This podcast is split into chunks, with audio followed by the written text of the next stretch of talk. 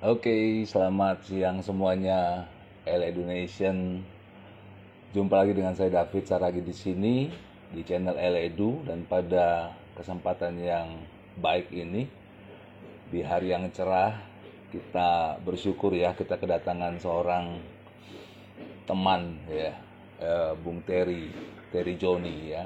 Eh, beliau adalah founder dan CEO dari chatbiz.id ya oke pada kesempatan yang baik ini kita akan bahas tentang digital era robot versus human. Ya artinya kita mau gali nih ya apakah di era digital ini apakah yang terjadi itu berantem nggak antara robot dan manusia gitu ya kayak film Terminator gitu ya atau malah saling melengkapi atau seperti apa? Nah kita akan ngobrol panjang lebar dengan eh, teman kita yang luar biasa ya Bung Terry Joni ya yang dia adalah memang seorang CEO dan founder dari yang eh, bergerak di bidang ini ya perobotan ya namanya eh, startupnya adalah chatbiz.id oke dari sini di Edu Channel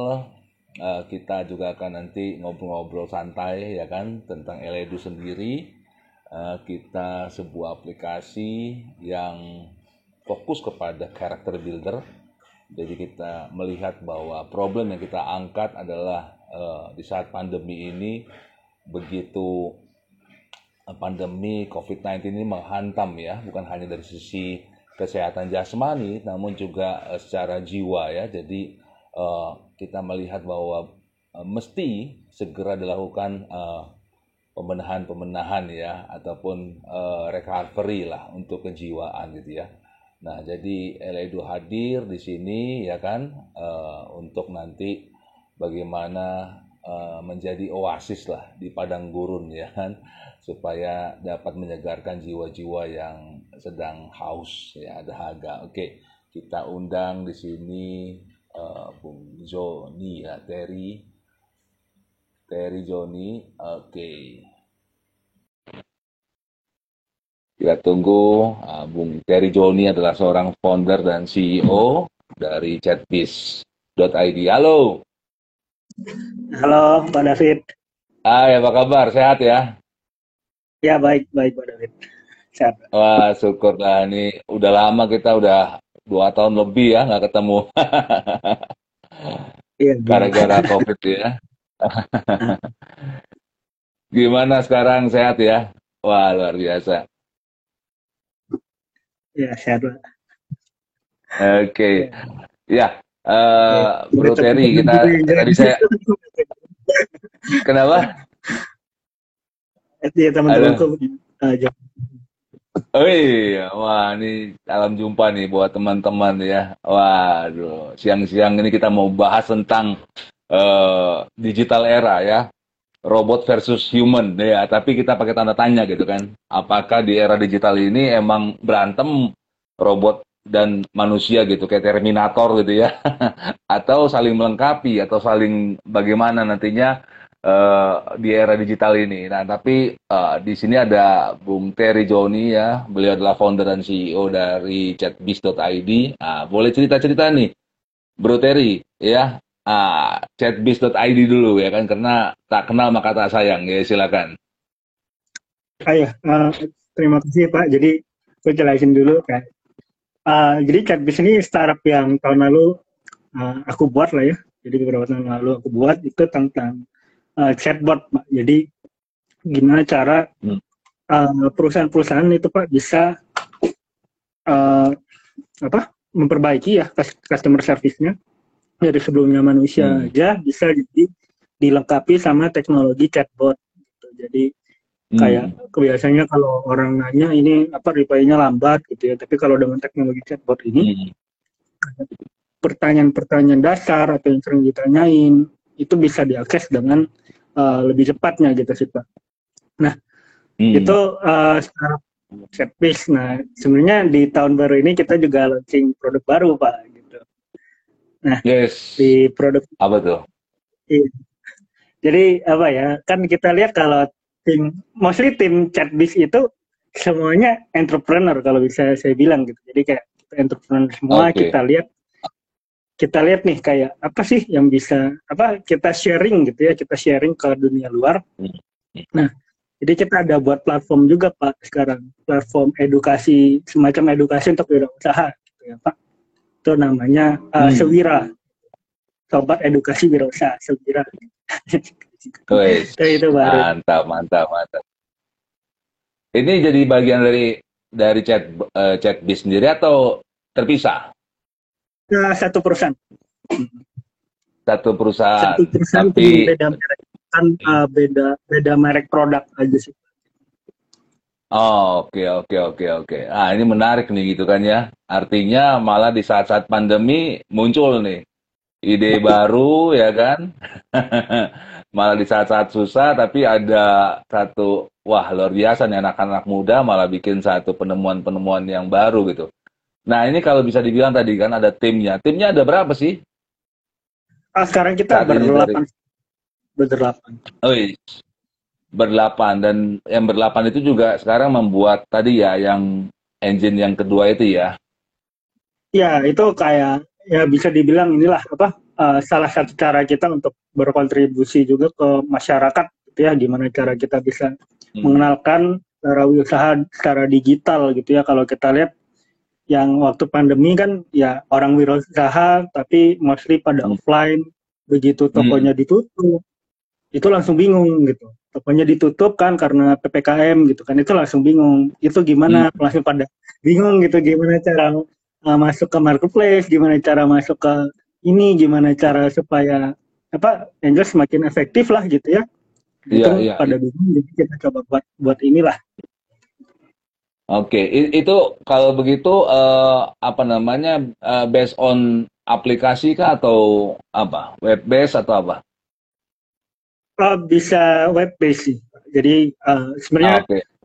uh, kit- bukan bisa bukan dibilang web based juga sih kita Hmm. WhatsApp and web based gitu ya Oh, masih Jadi- dengan ini ya juga luar biasa ya. Jadi ada tetap nanti berhubungan sama chat base juga dong ya. ya mungkin bisa dibilang gitu sih tapi uh, intinya kita pakai website. Soalnya kalau website itu Ah. kan kayak sekali buka langsung keluar gitu kan. Iya, Tapi iya. gimana cara kita bisa engage, keep in touch gitu. Jadi kayak kita bisa apa beri value kita gitu ke mereka ya pakai WhatsApp. Hmm. Tuh. Ini udah launching, Zer? Eh, udah pak. Oke, jadi ini buat uh, rekan-rekan LA Donation nih ya, nanti bisa dicek nih ya, chatbiz.id sama tadi apa namanya, sorry, namanya? Satunya lagi? Eh, ada Sewira Pak. itu apa produk baru kita Sobat Edukasi Wirausaha disingkat Sewira. Sewira. Wah, stop. Ini contoh yang bagus ya kan? Yes. Di saat-saat lagi pandemi, lagi susah-susah, namun marah keluar ide-ide kreatif yang tadi kalau saya nggak salah ya adalah spiritnya adalah membantu orang. Bener ya, Ter ya? Ya benar sih Pak. Ah, top, top, top, top, top, top. Oke, patut dicontoh nih. Oke, back to the topic ya kita ya, Ter ya. Kalau ah, kalau dibilang tadi ya tentang digital era gitu ya. Ini sebenarnya kan di satu sisi kan ah pasti ada positifnya ya, nggak mungkin lah negatifnya. Namun kita mau bahas tentang ada mungkin ancamannya dulu nih, Ter. Ya, ancamannya dulu nih. Digital era ya. Tadi kan seperti misalnya eh, si eh, chatbis ya kan nanti banyak akan eh, menggantikan gitu kan ya para operator-operator. Jadi operator-operator yang manual pasti ya mau nggak mau tersisih gitu lah ya. Nah tapi gimana nih Eh, kalau dari sisi pandangannya Terry sendiri nih sebagai CEO atau eh, founder dari Chatbiz melihatnya kayak gimana Ter? Eh, kalau yang saya lihat sih kalau kalau yang saya lihat gini sih Pak. Eh, Ya. Jadi eh, sebenarnya yang chatbot sekarang itu bukan untuk menggantikan, tapi untuk istilahnya justru mempermudah pekerjaan customer service. Gitu. Jadi Hmm. kayak customer service yang sebelumnya harus benar-benar kayak apa ya mungkin all day long gitu ya mantengin tapi hmm. ini bisa ngekat kerjaannya bisa 20 sampai 30 persennya gitu jadi hmm. bukan ke apa benar-benar menggantikan ya kalau yang uh, sekarang gitu sih Pak hmm. tapi kalau kita ngomongin masa depan hmm. mungkin masa depannya jauh banget ya soalnya AI di zaman sekarang ya uh, nggak nggak nggak belum belum sampai ke artificial general intelligence ya baru artificial intelligence hmm ada banyak uh, gapnya yeah. dan kalau di ya kalau di depan apa di apa namanya teknologi kalau menurut aku yeah. kayak sampai ke masa depan nanti kalau misalnya AI-nya udah benar-benar kayak bisa kayak manusia gitu ya mm. itu ya menurut aku manusianya ini bukan kayak langsung di apa kehilangan pekerjaan gitu ya tapi pasti manusia mm. ini menurutku uh, organis atau apa makhluk yang resilient lah maksudnya kalau muncul apa okay. pasti dia bukan adaptasi dan hmm. bisa aja muncul kayak uh, job-job baru gitu ya kayak dulu yeah, kalau yeah, kita yeah. dot com ya dot com dot com inilah waktu internet awal-awal mulai gitu ya di yeah, yeah. tahun 2000 gitu ya kan kayak takut ini gimana kalau mm. uh, ya tukang pos segala macam gimana nah tapi kan yeah, yeah. justru kayak job-job baru gitu jadi menurut, yeah, menurut saya yeah. itu sih pak Yes, jadi benar ya yang, yang dikatakan yang yang siapa yang bisa yang kuat lah yang bertahan gitu ya. Mesti melakukan improvement, inovasi gitu kan ya dan apa ya tetap apa bi kreatif gitu ya mungkin ya ya ya.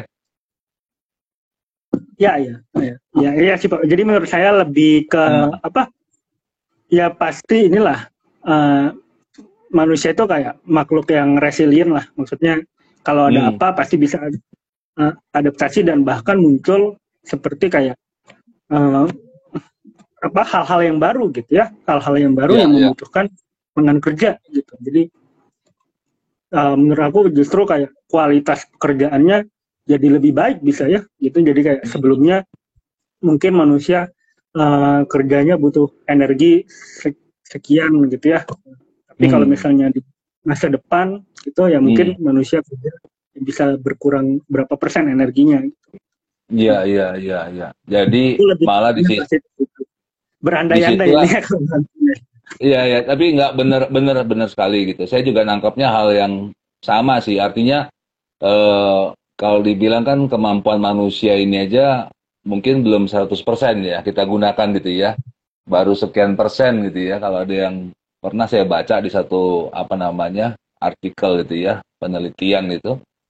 Uh, baru sekian persen lah gitu kemampuan manusia ini dipakai gitu ya. Nah, nah, namun mungkin dengan dibantu dengan digital ini bisa nanti bisa eh, bisa di scale up gitu ya. iya iya. Oke. Okay. Nah, jadi tadi kalau dikatakan sama Terry gitu ya bahwa malah digital era ini ya bukan nanti menyisikan orang-orang atau manusianya, tapi bagaimana juga malah nanti teknologi ini ya digital ini nanti akan membantu, ya kan? Membantu nanti bagaimana memaksimumkan ya, memaksimalkan gitu ya. Mungkin yeah. tadi Iya, seperti misalkan yang dilakukan oleh Chatbis itu jadi nanti bisa 24 hour 24 hour ya menjawabnya ya, dari ya. Iya pak, iya pak. Jadi kalau oh. kalau kita hmm. ambil dalam kasus apa yang catbis, ya berarti hmm. um, kita bisa cut 20 sampai 30 persen inquiry atau pertanyaan yang masuk ya dari customer. Hmm. Jadi semuanya bisa istilahnya um, hmm. peker, kualitas pekerjaannya jadi lebih meningkat. Jadi mungkin hmm. uh, jadi makin work life balance dan lain-lain dan itu yang saya lihat dari teknologi sih pak semakin bagus itu teknologi untuk produktivitas maka hmm. uh, kualitas pekerjaan uh, manusia makin ini juga makin bagus gitu ya makin yes, yes, selaras. Iya yeah. sama seperti juga ini ter kalau dua tahun hampir dua tahun ini kan kita kan dipaksa ya di rumah gitu kan ya karena pandemi covid ini kan kita betul-betul yeah. dipaksa gitu ya dalam tanda kutip di rumah dan ya kita di sini uh, apa namanya uh, akhirnya seperti juga yang saya melihat bahwa benar-benar kita dipaksa juga masuk ke dalam dunia digital gitu ya menjadi digital era ya kan? Karena nggak bisa ke mana-mana gitu kan ya. Nah uh, tadi mungkin bisa di, diceritain nih ter. Uh, apa sih ya kan? Uh, positifnya apa sih negatifnya gitu ya di ketika kita itu masuk di dunia digital ini mungkin ada pengalaman mungkin dari Terry Hmm, kalau ini kalau ngomongin pandemi ya, kalau pandemi ya berdampak hmm. negatif ya udah jelas ya. Jadi kayak ekonomi makin yeah, ekonomi yeah. dunia makin hancur. Jadi hmm. ya ini uh, ya itu sih Pak lebih ke apa? Kalau mau dicari-cari positifnya ya berarti lebih ke ini. Jadi kayak orang yang sebelumnya belum paham teknologi, belum paham digital, hmm. tapi jadi istilahnya uh, terpaksa lah ya, terpaksa hmm. untuk harus bisa digital gitu. Hmm. Nah, jadi makin uh, makin mungkin bisa dibilang kayak literasi digital orang pada makin mengerti itu tentang digital, digitalisasi ini. Iya iya iya. Jadi kita juga ya dalam tanda kutip mesti bersyukur juga ya dari karena pandemi gitu ya. Jadi kita dipaksa ya untuk belajar banyak tentang digital gitu ya. Karena nggak bisa ke mana-mana ya kan. Bahwa dulu orang mungkin baru seperti wacana kan. Seperti 4.0 itu gitu kan ya. Tapi ketika dalam pandemi ya kan dua tahun di rumah ini jadinya wah rupanya seperti ini nih era 4.0 ya. Eranya digital ya kan? Nah, jaringan network. Oke. Okay.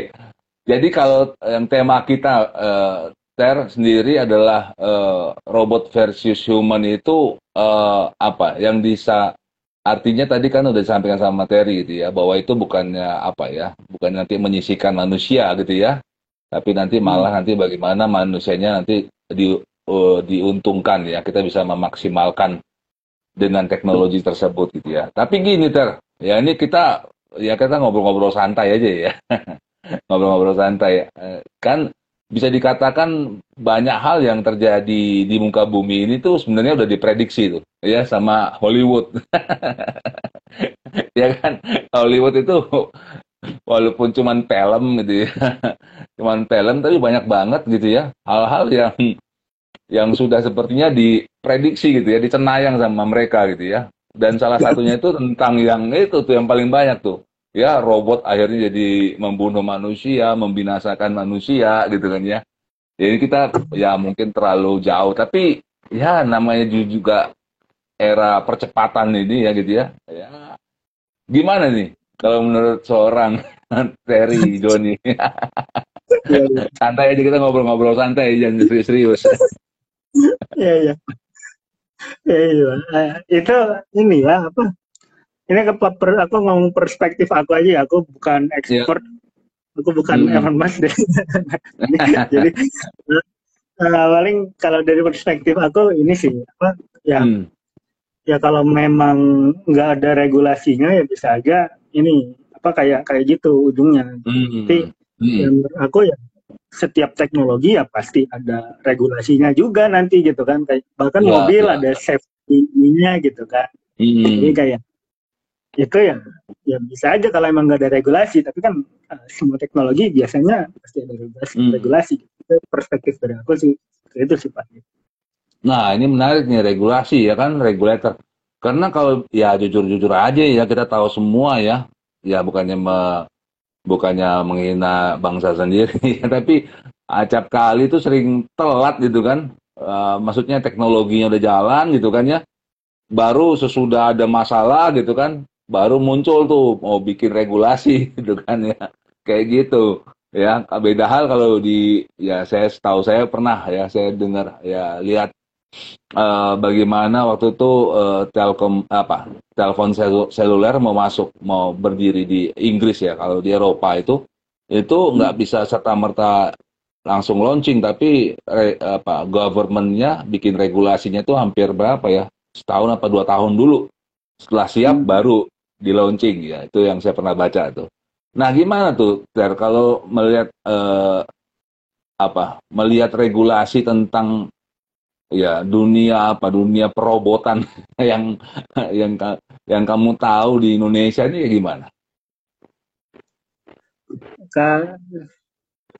Aku aku aku jujur nggak berapa tahu ya kalau yang di Indonesia gitu ya. Hmm. Jadi tapi yang yang di luar negeri yang sekarang itu lebih ke data sih ya mungkin bisa bilang data jadi kayak hmm. ada ada GDPR. Oh kalau di Indonesia juga ada yang yang, tentang protek, proteksi data itu itu ada. Iya iya iya. Jadi kalau yang sekarang lebih ke data ya. Kalau misalnya ngomongin ke AI ya belum juga karena emang uh, teknologinya juga masih early lah ya stage. Betul betul. Karena kan ya kita kan pernah bukannya pernah tapi beberapa waktu yang lalu kan dengar banyak pencurian data ya dari ya data-data itu wah luar biasa itu kan satu hal yang sangat rahasia ya sifatnya ya. Tapi bisa jebol juga gitu. Akhirnya data kita dipakai di berbagai macam uh, macam bidang yang tidak kita apa ya belum kita setujui. Tapi tiba-tiba waduh. Nah itu ya itu mungkin ya thank you ter. Mungkin jadi satu apa ya hal juga bahwa tentang regulator ya itu sangat penting gitu ya untuk jangan sampai nanti terjadinya tadi ya perang tadi antara robot dan manusia tadi. Ada lagi nggak Ter yang gimana yang kamu lihat gitu? Uh, paling ini sih Pak. Uh, hmm. Ini yang kalau masalah data yang yang sekarang lagi booming apa blockchain ya blockchain blockchain yeah. kripto lah. Ya. Yeah. ya mungkin kalau kalau di aku yang aku yang lihat sekarang itu secara teknologi yang lagi boomingnya itu mm. cryptocurrency, blockchain, tapi itu bahkan sekarang juga di di Amerika ya itu udah ngomongin mm. terus regulasinya itu udah bakal mau di update gitu ya. Iya iya iya iya iya. Oke. Ini balik lagi tadi ya ke chat bis nih. Ya ini ada delapan anak muda nih luar biasa nih ya. Saya juga kenal TR ini juga dari sebuah event startup nih, nggak satu kebetulan ya TR ya. Ngobrol-ngobrol ya kan, ngobrol-ngobrol rupanya waduh luar biasa yang dibangun oleh mereka-mereka ini anak muda waktu itu ya, tiga orang saya kalau nggak ingat, eh, kalau nggak salah tuh, Terry sama temen-temennya. Iya kan, kita ngobrol-ngobrol dan sekarang wah luar biasa, bahkan udah bikin hal-hal yang luar biasa lagi. Nah, saya mau ngobrol tentang tim nih, Ter, ya kan? Uh, kita kita keluar dari topik dulu sebentar ya uh, timnya uh, Chatbis ini kan karena ada bersangkutan nih dengan Eledu Eledu kan karakter builder ya kan? Nah hmm. gimana sih Ter ya menyatukan delapan kepala ini gitu loh? Apalagi anak muda lagi nih ya kan? Yang pasti punya idealis ya kan? Yang punya waduh masih punya dreams yang macam-macam. Nah tapi gimana nih?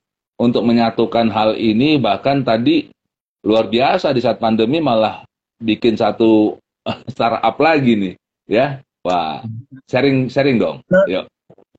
itu sebenarnya lebih ke ini sih pak. Apa? Hmm. uh, ya mungkin aku ceritain kayak pengalaman aku waktu ngantor di pandemi ini ya. Jadi ya. dulu kan ada kita ada inkubator di MBA jadi kayak tiap hari lah dengan sana ngantor enak. Ya.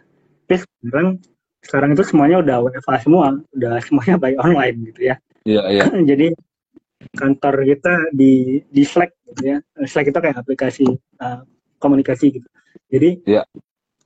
yang benar-benar bikin kita bisa align itu harus memang secara komunikasinya jelas. Jadi mm. uh, aku uh, jadi kayak bikin bisa bisa salah satu contohnya itu kayak bikin handbook handbook company ya. Jadi kayak mm. pegangan untuk perusahaan untuk jadi kayak fondasinya lah kalau misalnya orang di tim itu selalu mengacu ke sana gitu. atau kayak hmm. apa ada orang baru masuk itu sebelum dia masuk dibaca dulu handbook company-nya gitu sih. Hmm. Jadi itu salah satu biar apa ya biar enggak enggak enggak enggak bingung gitu ya nanti kan uh, kalau kalau yeah, enggak yeah. tertulis itu biasanya bingung ini ini ini hmm. responsibility siapa ini ini siapa yang ngerjain atau ini gimana kita kita arahnya mau ke mana atau ini gimana arahnya mau ke gitu hmm. gitu maksudnya jadi bingung gitu jadi harus benar-benar tertulis gitu sih pak gitu, jadi ya itu okay. itu kunci Guys, mantap. Jadi eh, orang-orang yang baru bergabung pun tahu ya visi misi arahnya mau ke mana, terus apa dreamsnya gitu kan ya, terus apa yang mau dikerjain gitu. Artinya ya semacam apa ya, semacam SOP mungkin ya, dari ya. Ya bisa dibilang gitu sih pak. Kita hmm. bilangnya company handbook ya, company handbook. Oke, okay, company handbook. Oke, ini bagus nih. Nah, artinya iya. walaupun masih muda, ya. tapi ya, udah juga masih belajar. Jadi hmm.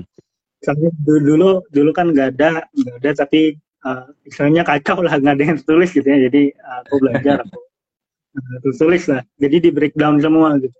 Objektifnya apa dari objektifnya ini maka muncul apa planning-planningnya seperti apa dan yang dilakukan apa dan siapa yang melakukan hmm. itu uh, harus uh, tertulis semua gitu ya itu setelah apa setelah tentunya kita diskusi dulu gitu. By the way, udah, udah jalan berapa lama nih chat, chat bis ini, Ter? Kenapa? Sorry. Udah udah berjalan berapa lama? Lahir tahun berapa? Uh, kalau nama chat bisnya sendiri itu di tahun 2018 ya. 2018 waktu itu aku kuliah tingkat 3. Hmm. Ada kayak proyek lomba gitulah aku ikutin dari 2018 tapi nggak di PP-nya itu 2019 pak 2019 terus 2020 aku baru istilahnya full time lah bisa dibilang gitu nah hmm. sampai ya sampai sekarang gitu Oke, 2020 malah dihantam pandemi ya. Wah. Tapi malah jadi wah, jadi berakselerasi lagi luar biasa. Oke. Nah, tadi balik lagi ya tentang tim tadi ya. Tim kalau tim ini kan kalau dibilang kan apa namanya? Apa sih yang menjadi apa ya karakter dari chat bis ini apa sih? Uh, ter karakternya gitu ya. Pasti uh, sebelum jadi karakter kan pasti ada kebiasaan-kebiasaannya, terus sebelumnya ada tindakan-tindakannya, terus ada ada pemikirannya. Mungkin kita start dari pemikirannya dulu deh ya. Dari pemikirannya uh, membangun chat bis ini apa waktu itu? Uh, maksudnya culture perusahaannya Pak atau? Iya, iya, iya. Waktu awal-awal mendirikan Chatbis ini kan pasti punya satu pemikiran nih, gitu ya. Ah, hmm. awalnya itu seperti apa gitu? Kalau itu apa ya kalau kita buat Chatbis di awal istilahnya mungkin ya berani mencoba lah kalau bisa dibilang gitu ya. hmm. Tapi istilahnya kita emang lihat satu masalah yang waktu itu aku juga lagi belajar teknologinya ngoprek-ngoprek hmm. aja apa uh, chatbot gitu nah terus aku ikutin hmm. kompetisinya gitu ya dengan ngajak orang-orang gitu sih jadi hmm. jadi yang lebih ke uh, lebih ke ini sih pak mungkin yang kalau pertama untuk buat startup itu lebih berani untuk istilahnya mencoba karena kalau aku lihat kayak kebanyakan orang kebanyakan kayak takut lah mungkin ya takutnya hmm. bukan kadang ada ini sih pak. Ada orang takut fear of growth atau fear of failure gitu. Jadi kayak bisa aja nggak hmm. cuma takut gagal bisa juga dia takut tumbuh gitu. Ya kalau misalnya kalau yeah, yeah. tumbuh dia naik nah, tinggi dia bingung. Dia wah ini ini gimana nih? Jadi takut gitu. Jadi kayak iya iya uh, iya. kita harus uh, istilahnya uh, mantepin dulu untuk berani mencobanya dulu sih. Ya dan kita emang hmm. dan lebih ke mengkoneksi ini ya apa experience kita sama apa yang bisa kita buat sama uh, masyarakat yang istilahnya kita bisa bantu gitu gitu sih pak. Oke okay, oke. Okay.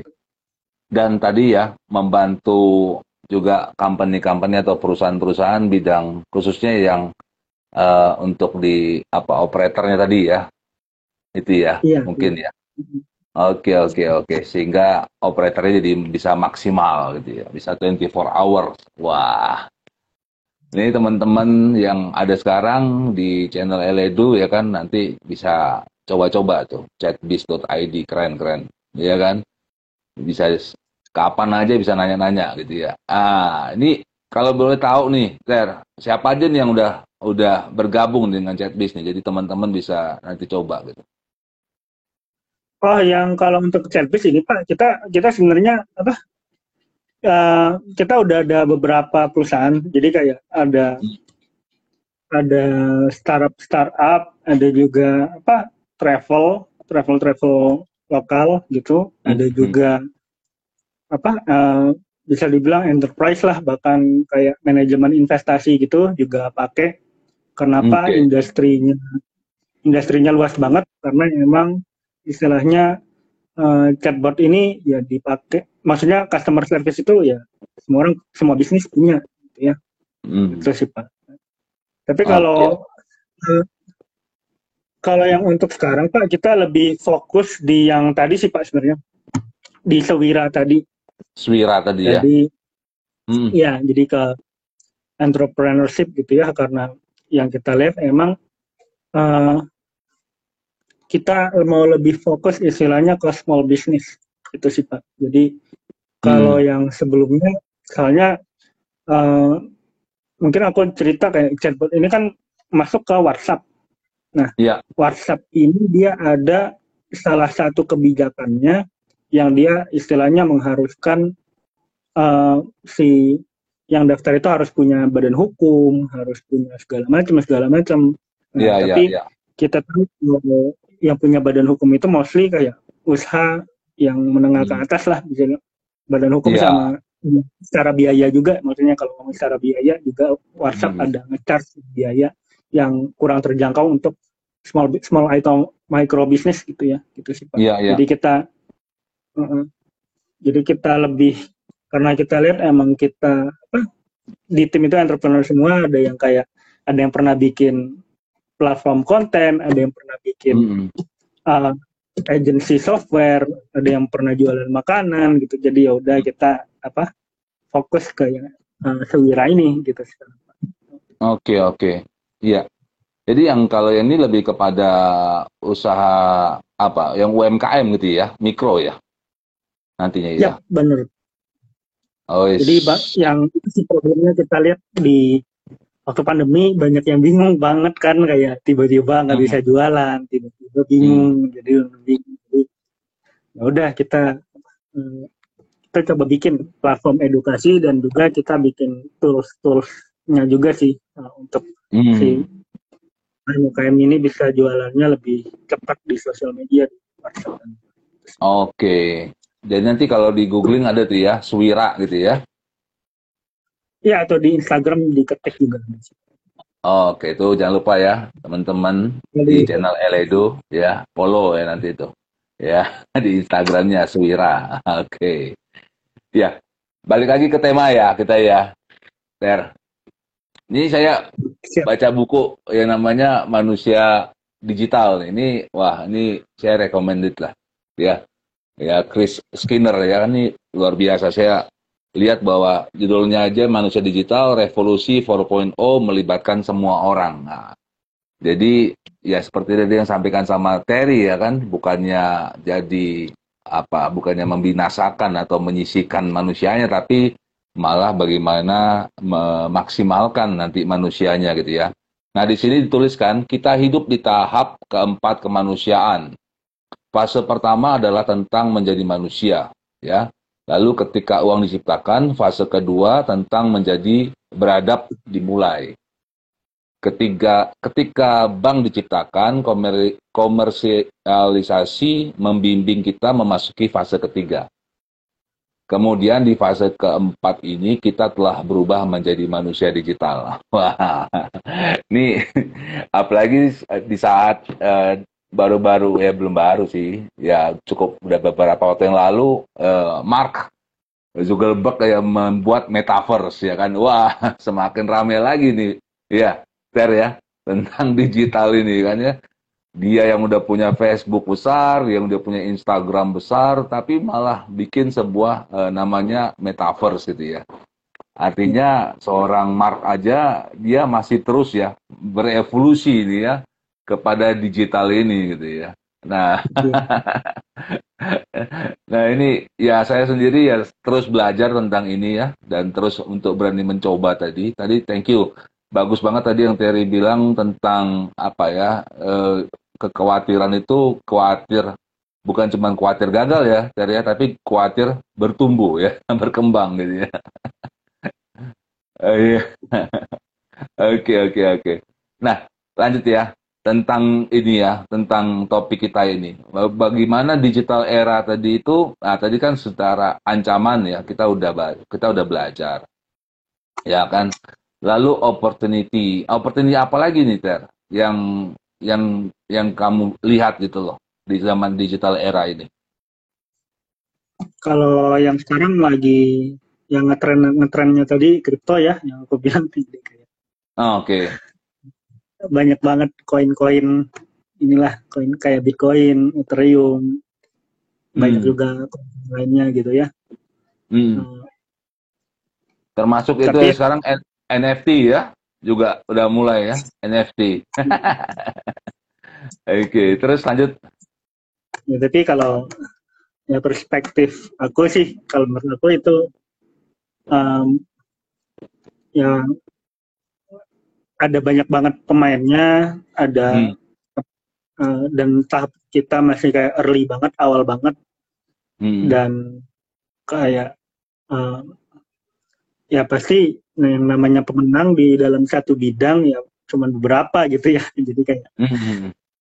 kayak bisa aja kayak bisa aja ada mungkin bubble gitu ya atau gimana kayak yang lain pada runtuh hmm. yang menang cuma uh, beberapa gitu hmm. ini baru ya aku bukan financial advisor tapi istilahnya cuma apa opini aja pengetahuan yeah, yeah. jadi kayak kayak ya bisa aja kayak dot com dot com dulu ya dot com bubble lah bisa dibilang. Yeah, yeah. internet kan dulu banyak banget. Ada ada webfan hmm. ada Yahoo lah dan lain-lain gitu tapi yang sekarang yang menang ya cuma berapa gitu. Di HP yang terinstall aplikasinya cuma ya, 4 atau lima aja yang menang lah gitu. Facebook Google mm -hmm.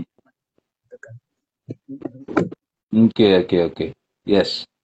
Nah uh, itu juga tadi termasuk apa weaknessnya lah ya. Weaknessnya ya kan? Uh, dari digital era itu ya yang sekarang kita hadapi gitu ya. Nah Uh, ada lagi nggak misalkan dari uh, dari Terry sendiri nih, ya kan? Melihat uh, apa-apa lagi nih Ter di saat digitalisasi ini gitu ya. Kalau tadi kan uh, bentuk ininya nih, bentuk produknya ya tadi tentang Bitcoin ya kan, blockchain dan segala macam NFT gitu ya. Tapi kalau uh, kamu sendiri melihatnya gitu ke depan gitu ya, khususnya di Indonesia dulu deh, di Indonesia dulu, ya Indonesia ya kita negara yang yang ya sedang berkembang lah orang bilang gitu ya saat ini. Uh, kamu gimana melihatnya tentang digital digital era ini dari kacamatanya Terry sendiri gitu ya? Kita ini udah udah udah seberapa digital sih Ter? Yang ya, kamu kalau, lihat? Kalau, kalau di Indonesia sendiri trennya itu naik pesat sih ya Pak. Kalau kalau nggak salah aku pernah baca datanya itu ada sekitar hmm. 100 170 170 jutaan lah gitu ya yang udah hmm. istilahnya pakai yang udah pakai ini pak apa uh, eh, HP gitu smartphone udah punya akses hmm. ke digital internet dan kita tahu kalau populasi Indonesia itu kalau nggak salah sekitar uh, eh, 250 jutaan gitu ya jadi hmm. udah udah sekitar 70 persennya lebih mungkin ya ke cover gitu Pak. Jadi untuk iya, iya. digitalisasinya udah, tapi yang belumnya itu mungkin ini sih Pak literasi digital untuk yang generasi generasi tua ya atau bisa dibilang generasi di atas uh, milenial generasi ya baby, baby boomer, boomer. Oh, oke okay. udah baby boomer kalau nggak salah di bawah baby boomer ada generasi Y kalau habis itu baru milenial habis itu baru Gen Z S boomer sama ini Iya, iya. Itu ya. kayak itu itu perlu ini sih apa ya uh, digi, literasi digitalnya lebih uh, tinggi gitu. Tapi kalau untuk milenial sama generasi Z ya udah udah ini sih udah mostly udah pada paham lah sama internet. Iya iya iya iya iya iya. Oke oke benar ya. Artinya memang perubahan-perubahan generasi pun sangat ini ya, apa namanya? uh, era-eranya ini benar-benar tadi era percepatan gitu ya, apalagi dengan digitalisasi seperti ini ya kan, generasi yang baru-baru lahir itu udah, waduh, udah ngibrit aja gitu ya. Bahkan kan ada yang bilang ya di satu artikel yang saya baca itu tentang uh, pendidikan ya, itu banyak yang uh, malah muridnya lebih apa? Bukan, gurunya lebih gaptek daripada muridnya. eh seorang ahli ngomong gitu. Iya, iya jadi iya contohnya aja sekarang uh, ada aplikasi yang bisa ngejawab soal-soal ya kan. tinggal tinggal diarahin aja itunya apa uh, uh, uh, dia punya apa kamera gitu kan ke soalnya langsung keluar tuh jawabannya. Iya, Pak. Emang. Eh, kalau guru-gurunya nggak paham ya bisa, waduh, bisa kecolongan banyak lah gitu ya.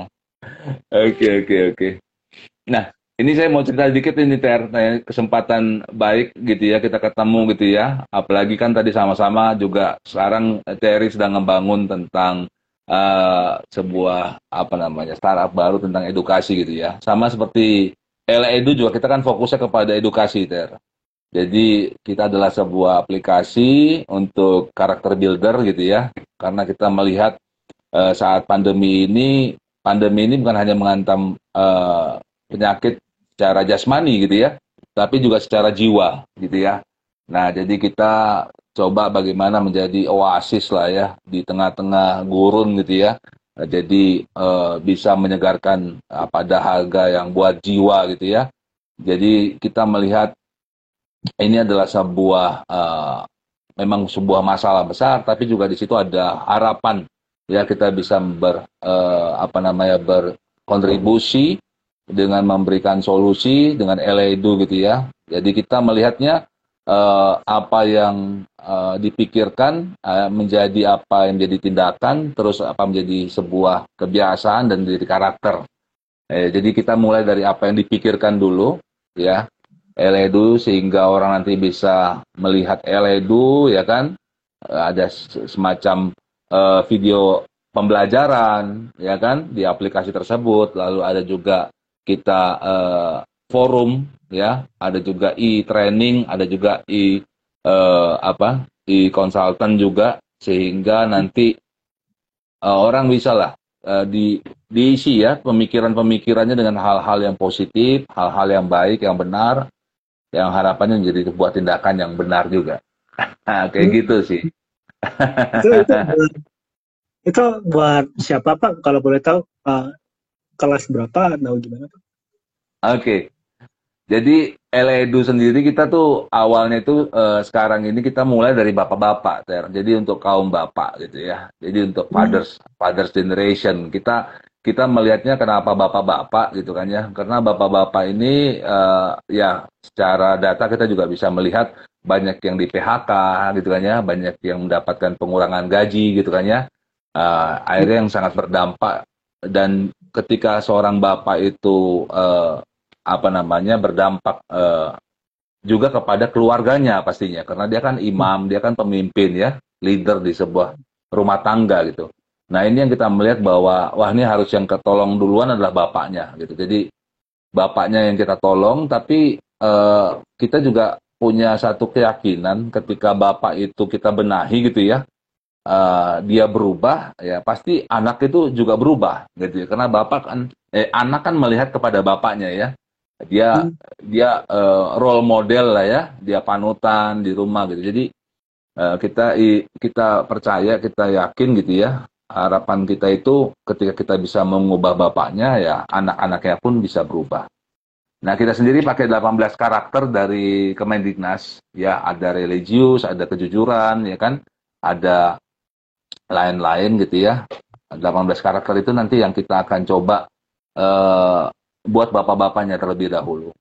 Ya pengembangan hmm. ke depannya sih adalah nanti Eledu for Kids, mungkin nanti Eledu for Women dan seterusnya kayak gitu. Doain aja. Oke. Okay. Tapi kami juga mempunyai apa namanya uh, bisa juga bukan karakter manusia saja nanti ter, tapi karakter company, karakter perusahaan. Jadi kita juga nanti ya ke depan gitu ya membantu perusahaan-perusahaan, institusi-institusi atau sekolah gitu ya, atau kampus ataupun apa pun juga yang yang juga saya yakin dan percaya karakternya itu luka ya di saat-saat pandemi ini banyak karakternya tuh yang uh, terluka ya jadi kita bisa bantu di situ. Nah itu juga ya bisa juga nanti kita habis ini nanti kita ngobrol-ngobrol lagi kan. Bisa bersinergi siapa tahu.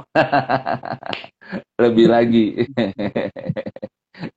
Iya itu yang dilakukan oleh Eledu dan memang ya kita bersyukur malah di saat-saat pandemi itu kita bisa diberikan kesempatan sama yang maha kuasa untuk melakukan inilah kayak gitu ya di saat-saat susah di saat-saat uh, lagi apa sulit gitu ya tapi ya puji Tuhan syukur kepada Tuhan kita diberikan hikmat diberikan ide diberikan kemampuan untuk membangun ini ya kurang lebih ya sama lah seperti juga uh, sama chatbase ya malah diberikan kemampuan untuk berkarya lagi. Oke oke oke. Nah balik lagi ya kita ya. Kita balik lagi ke digital nih. Ini digital era ini kan ini topik yang hangat ya, Ter ya. Apalagi di saat pandemi ini kan, waduh, setiap hari bahkan ada iklan di TV itu kan selamat datang di era digital. Ya, pokoknya begitu terus itu ya. Digital era apa segala macam gitu. Nah, tapi tadi sudah disampaikan sama materi di Indonesia pun ya kita semakin apa ya, semakin e, mengerti, memahami termasuk terlebih-lebih adalah si kaum milenial gitu ya. Nah, tapi saya mau nanya nih, ah, kalau balik lagi ke chatbis lah ya, eh, chatbis gitu ya, itu penggunanya itu biasanya itu generasi apa tuh ter? Yang menggunakan uh, jasanya chatbis itu? Kalau kalau kita tarik yang kalau untuk chatbis Pak, chatbis kan kita B2B ya, B2B itu kita tarik. Oh. Istilahnya di perusahaan gitu ya. Jadi yeah, yeah. Uh, generasi generasinya itu sebenarnya ya ini sih kita kita lebih ngomongin ke siapa yang istilahnya uh, stakeholdernya gitu ya, stakeholder dari perusahaan-perusahaan oh, okay. tersebut. Oke. Okay.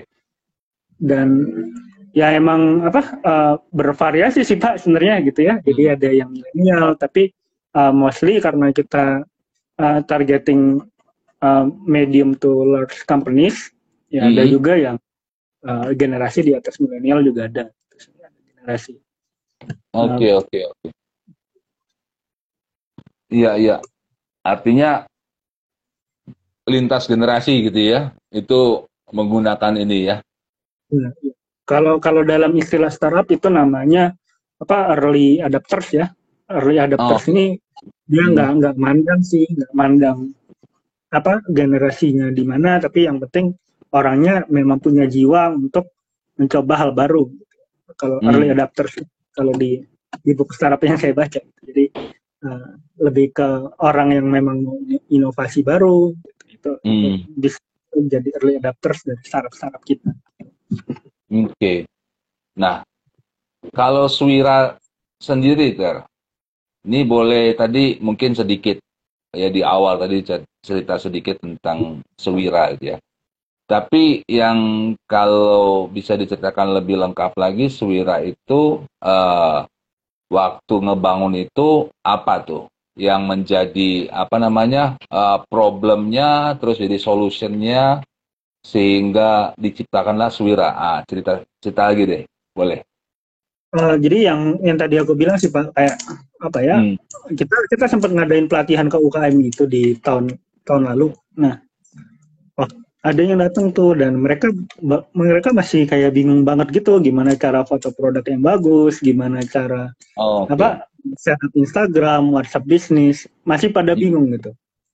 UKM UKM ini masih pada bingung. Jadi uh, di sana kita mikir nih apa uh, untuk kita bantu yang yang service itu kan sebenarnya untuk yang company menengah ke atas tapi kalau kita untuk bantu masyarakat masyarakat kecil yang punya UKM UKM kecil itu kita uh, bisa bantu salah satunya dengan edukasi terlebih dahulu gitu.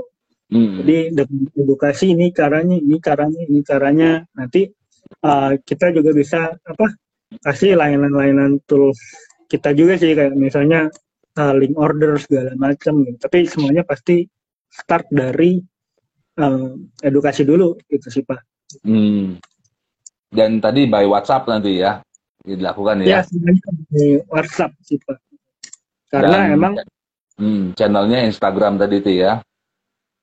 Ya, dari Instagram terus ya bisa diklik websitenya terus daftar itu kita ada ada tiga macam layanan. Yang pertama adalah uh, WhatsApp newsletter. Jadi tiap minggu hmm. kita bisa kirimin berita terkini, misalnya tentang ada apa rencana pendanaan atau insentif gitu dari pemerintah atau uh, dari lembaga lain dan juga kita bisa kasih informasi-informasi tips apa berbisnis dan juga uh, dan di produk kedua ini kita juga ada kelas digital gitu Pak. Ada kelas digital. Terus yang ketiga juga kita ada uh, yang namanya asisten digital Pak. Jadi mereka kalau bingung hmm. apa tinggal WhatsApp kita aja terus bisa langsung kita bantu jadi kita bikin apa semacam asisten untuk bantu bisnisnya mereka. Wow keren keren keren. Ini anak muda tapi membantu ya kan? Di saat-saat susah ya kan? Kita membantu orang. Nah ini luar biasa nih gitu ya. Ini semangat entrepreneur luar biasa gitu ya. Seorang startup juga masih muda gitu kan ya. Ini buat teman-teman yang masih stay tune di channelnya Eledu wah ini kita banyak belajar nih dengan seorang CEO founder Chatbiz ya dari Joni ya kan. Uh, di mana di saat-saat lagi pandemi ya, dengan spirit membantunya malah bisa menciptakan sesuatu yang hal yang luar biasa. Oke, nanti sesudah ini saya pasti follow nih IG-nya. Oke. Kita baru minggu lalu sih itu produk-produk ini. Oke, Suwira ya. Oke, oke, oke. Oke, Ter. Sebagai penutup nih ya, tadi boleh nggak uh, kamu kasih apa ya penutup tentang manusia digital tadi itu ya kan? Uh, yang tema kita robot versus manusia. Boleh panjang juga boleh ya kan? Ya pokoknya sebagai ending pembicaraan di sore hari yang cerah ini gitu ya. Wah ini nggak berasa udah satu jam nih kita ngobrol nih sama Terry ya. Thank you banget ya waktunya luar biasa ini. Nah, sebagai penutup nih, uh, Terry Joni, silakan. Oke, jadi penutup yang pertama paling terima kasih ke Pak David yang sudah ngundang. Sama-sama. yang kedua lebih ke ini sih Pak, kalau ngomongin teknologi, istilahnya ya jangan uh, jangan takut sama teknologi, soalnya teknologi ya pasti bertumbuh terus. Justru teknologi itu kalau aku lihat dia malah uh, membuat kualitas kehidupan manusia jadi lebih baik gitu ya. Karena memang Nah, seperti itu uh, teknologi yang produktif harusnya. Oke. Okay. Udah gitu aja. Oke, okay. ini sekarang lagi di di mana nih? Di Bandung atau Jakarta? Di Bandung pak, hmm, di kos. Oh di Bandung ya. Aduh, ntar kalau ke sana lagi nanti mampir deh. Waktu itu sempat ke sana, cuman jadi macet ya jadinya. masih di Banyak yang... Iya masih masih di masih di Serpong. Oke. Okay. Oke. Okay. Thank you sekali lagi. Salam buat teman-temannya di Chatbiz ya. Yep. Thank you juga. Thank you. Kita bisa ngobrol-ngobrol lebih lanjut ini. Rupanya sama-sama sekarang juga uh, Terry dan teman-teman juga ber, apa berada di bidang edukasi, wah kita kita bisa ke depannya bisa sama-sama nih sepertinya. Nanti kita ngobrol-ngobrol lagi ya. Oke, okay, thank you, Terry. Salam buat teman-teman di Jetbiz. Thank you, thank you. God bless. Silakan. Yuk. Oke, okay. nah itu ya uh, perbincangan yang menarik ya dengan seorang founder, seorang CEO namanya Terry Joni uh, dia dan teman-temannya uh, saat ini bahkan di saat-saat pandemi, di saat-saat sulit malah menghasilkan melahirkan sebuah startup baru yang dikasih nama Swira gitu ya, sebuah startup untuk mengedukasi para entrepreneur-entrepreneur uh, selevel untuk UMKM. Wow, luar biasa gitu ya. Uh, saya kenal beliau itu sekitar tiga tahun ya sebelum pandemi ya uh, dan 2019 sepertinya 2018 atau 2019 ya dan di usaha awalnya di namanya chat chatpiece.id gitu ya. Sebuah uh, robot yang uh, robot chat gitu ya. Dan sekarang sudah berkembang. Sekarang sudah melahirkan startup baru yang namanya Suwira. Ya satu hal yang saya dapat ya dari perbincangan dengan seorang Terry Joni adalah walaupun kita muda ya walaupun kita masih muda ya kan walaupun uh, kita ada di dalam uh, apa namanya di dalam sebuah situasi kondisi pandemi ya COVID-19 dan seterusnya ya kan. Ada satu hal yang saya catat bagus sekali yang disampaikan oleh Terry adalah uh, kita tidak janganlah khawatir untuk apa takut gagal dan takut untuk berkembang. Jadi ada juga ketakutan untuk berkembang ya atau bertumbuh gitu. Ini luar biasa unik ya. Tapi memang pada kenyataannya seperti itu. Banyak orang yang hanya coba untuk memulai-memulai gitu kan ya. Tapi kalau udah gede sedikit jadi ada ketakutan malahan di dalam dirinya dia. jadi ini juga disorot oleh seorang Terry Joni dan ini menarik ya bahwa sebagai seorang pegiat startup ya kita harus berani ya berani bukan hanya untuk gagal tapi berani juga untuk bertumbuh ah keren keren keren. Dan saya melihat juga uh, yang berikutnya walaupun mereka muda namun mereka sudah punya komitmen ya dalam berusaha di sebuah startup mereka kerjakan. Mereka ada yang namanya company handbook. Wah luar biasa ya. Masih masih muda tapi sudah punya komitmen dan ditulis dalam sebuah uh, handbook gitu ya. Jadi semua orang yang bergabung nantinya tahu ya paham apa yang menjadi uh, juknisnya lah ya, apa yang harus dikerjakan ya, mau ke mana ini perusahaan. Jadi itu luar biasa bagusnya.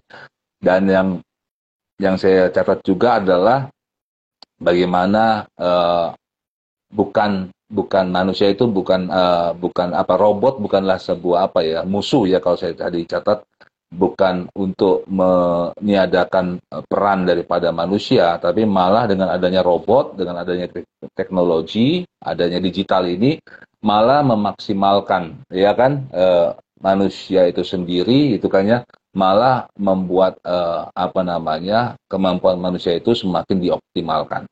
Ya Contohnya tadi ya dengan adanya chat bis ya kan? Bisa 24 hours jadinya.